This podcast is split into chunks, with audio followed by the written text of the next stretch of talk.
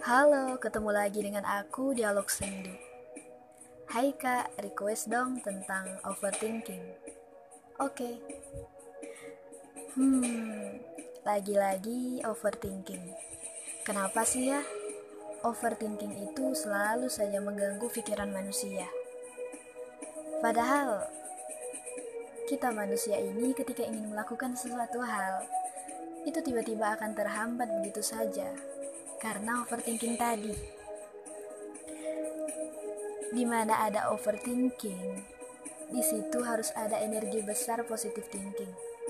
Karena kamu tahu, overthinking itu hanya memberi kendala besar dan nilai-nilai negatif saja ke dalam diri kita sendiri.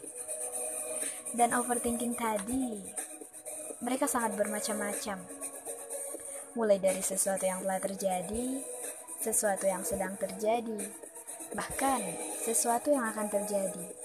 Itu salah satu ciri-ciri orang yang sering overthinking, karena ia akan memikirkan hal-hal yang sebenarnya itu tidak perlu dipikirkan.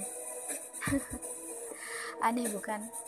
Overthinking itu seakan menjadi benalu saja dalam pikiran kita. Ya, salah satunya kita akan berpikir tentang hal-hal yang sebelumnya itu tidak perlu difikirkan dan tidak perlu untuk dicemaskan.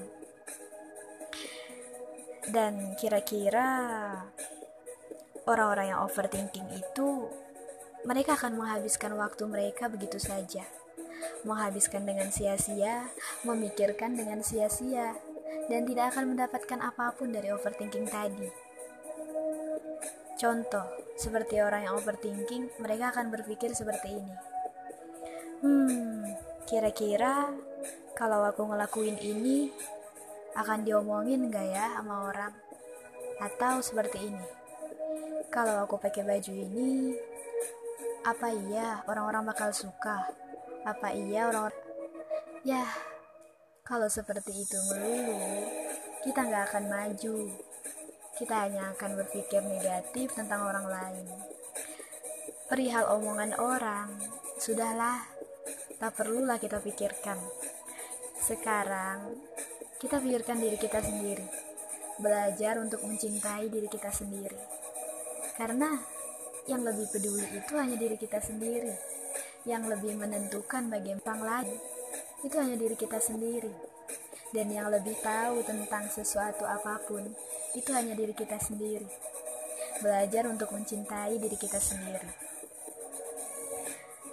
Selagi hal baik yang kau lakukan, lakukan saja.